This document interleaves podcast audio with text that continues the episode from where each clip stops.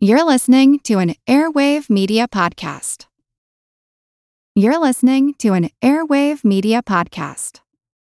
Hi, folks. It's Ben Mathis here, and today I want to give you a short preview of one of my favorite podcasts, which just recently joined our podcast network, Airwave Media. It's called Everything Everywhere, and it's a daily podcast that literally covers everything everywhere. Globetrotting travel writer Gary Arndt has been to over 204 countries and territories, and on each episode, he tells the histories of some of the most interesting places in the world, such as the Sistine Chapel, the pyramids, and the Great Wall of China, and explains everything else from the piano, Dracula, and Air Force One to the car engine, tsunamis, and daylight savings time. Plus, plenty of stories you might not know about, like the Hanoi Rat Massacre, the lost city of Cecil B. DeMille, and the hungriest man in history. Most episodes are about 10 minutes long, so it's the perfect way to learn something new every single day. And today, I'm going to share one of my favorite episodes all about the history of the world's fairs. Did you know that some of the world's most iconic buildings, like the Eiffel Tower and the Seattle Space Needle, debuted at the World's Fair, as well as technological marvels like the telephone and the light bulb? Sort of like the 19th century version of the Consumer Electronics Show. You'll also find out why World's Fairs are so rare today. If you like this episode, then please subscribe, rate, and review Everything Everywhere on Apple Podcasts, Spotify, Stitcher, Amazon Music, iHeart, or wherever you like to listen. And now, enjoy Everything Everywhere The History of the World's Fairs.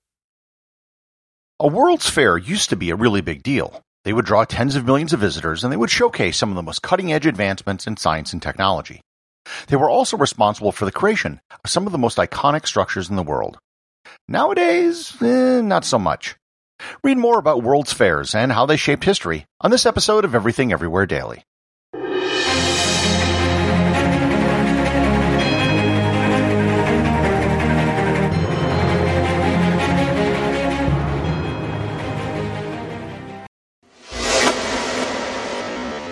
There have been many episodes of this podcast where I've referenced World's Fairs.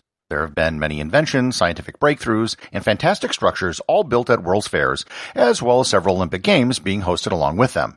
So I figured it was time that World Fairs got their own attention.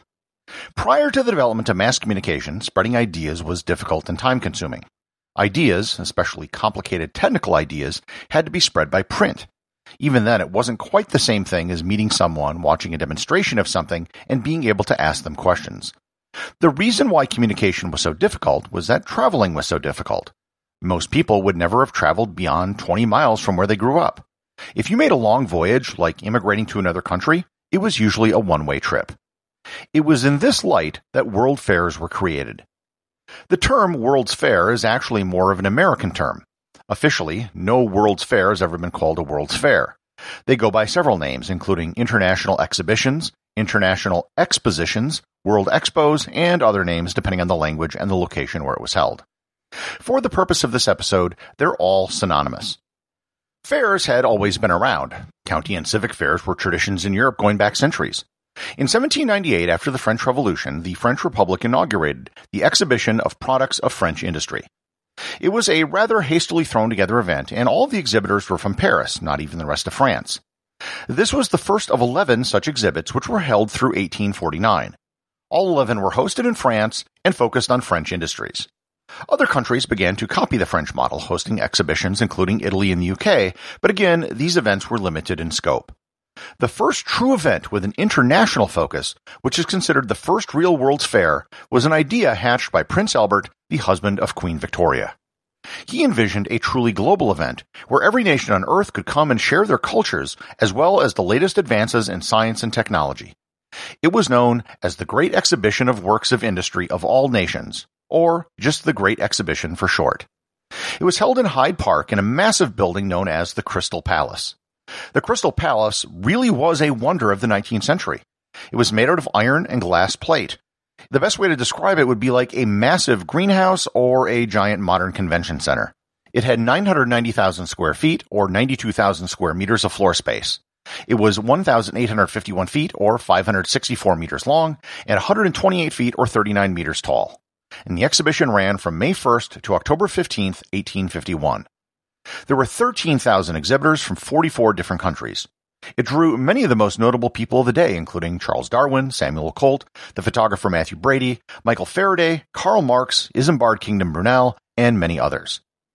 The exhibits allowed attendees to see what other cultures were like, as they would probably never see it themselves, as well as witness some of the technical innovations of the era. Over 6 million people visited the event, and it actually turned a profit of £186,000. Sadly, the Crystal Palace was destroyed in a fire in 1936. Today the name remains in the Crystal Palace Football Club. The Great Exhibition was a massive hit, and the international aspect of it provided a forum for people from all over the world to come together to share ideas and culture.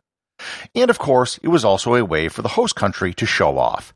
The number of world fairs that were hosted during the rest of the 19th century was staggering. There were well over a hundred events held all over the world in dozens of countries. Sixteen were held in 1883 alone. However, of the over 100 expos held in the second half of the 19th century, only some of them have been retroactively recognized as actual full-blown international exhibitions by the Bureau International des Expositions, the organization which organizes world fairs. Even with that list, there are still too many events to go through individually. These major events were held on average about four years apart, but sometimes they were just two years apart. The next major event after the Great Exhibition was the Exposition Universelle in Paris in 1855. They basically wanted to upstage what the British had done four years before. The 1855 event actually ended up being a bit smaller than the Great Exhibition in London in attendance and exhibitors. They created their own version of the Crystal Palace called the Palais d'Industrie. It was bigger than the Crystal Palace and was actually used for the 1867 World's Fair as well. There was another exhibition in London in 1862, but the 1867 exhibition in Paris was the largest event so far in terms of the size of the event and attendance. The grounds were over four times larger than any previous event, and the attendance was double anything that came before it. The first World's Fair outside of Europe was held in Philadelphia in 1876, known as the Centennial Exposition, celebrating the 100th anniversary of the United States. The arm and torch of the Statue of Liberty were on display as it hadn't been built yet, as was the debut of the telephone and the first commercial ketchup. In 1880, Australia hosted the Melbourne International Exhibition, which was the first to be hosted in the Southern Hemisphere. Not surprisingly, it was the least attended World's Fair given its location. However, the structure of the building for the event, the Royal Exhibition Building, is still standing today and is a UNESCO World Heritage Site. The 1889 exhibition in Paris was the largest to date by far. It was the centennial of the French Revolution. Over 32 million people attended, and there were over 61,000 exhibitors. This saw the unveiling of the Eiffel Tower, and it was the first of what I would call the mega World's Fairs. The 1893 Columbian Exposition was held in Chicago to commemorate the 400th anniversary of Columbus discovering America. By area, it was the largest World's Fair ever, covering 690 acres. 46 countries were represented, and 27.5 million people showed up. It had the world's first Ferris wheel, and perhaps most importantly, it was electrified. The entire fairground was lit up by Westinghouse as a demonstration of their alternating current. There was an entire pavilion of electrical devices, including the inventions of Nikolai Tesla. The Midway area of Chicago, where the University of Chicago is today, was the location of the site of the fair. The 1900 Paris Exposition Universelle set an attendance record with 50 million attendees. They built the Grand Palais as a signature building for the event, and the building is still a landmark in Paris today. The 1900 World's Fair saw the first motion pictures to be displayed at a World's Fair, the first escalator, as well as co-hosting the Olympics. In 1904, St. Louis hosted the Louisiana Purchase Exposition, as well as, again, the Olympics. The next five fairs were in Belgium and Italy, and they were relatively small affairs compared to the previous fairs that were held.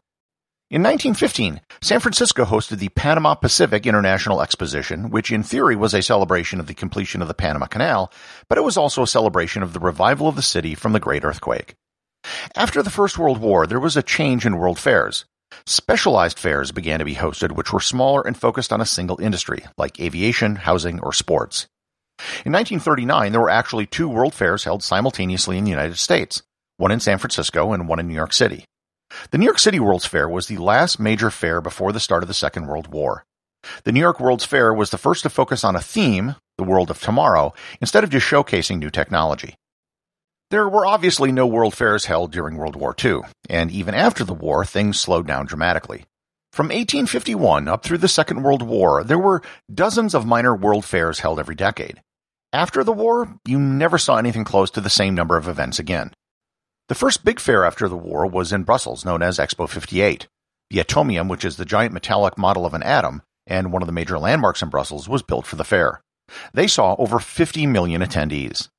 Seattle hosted in 1962 the Century 21 exposition. The Space Needle and the monorail were built for the fair, and they're both still there today as signature landmarks in the city.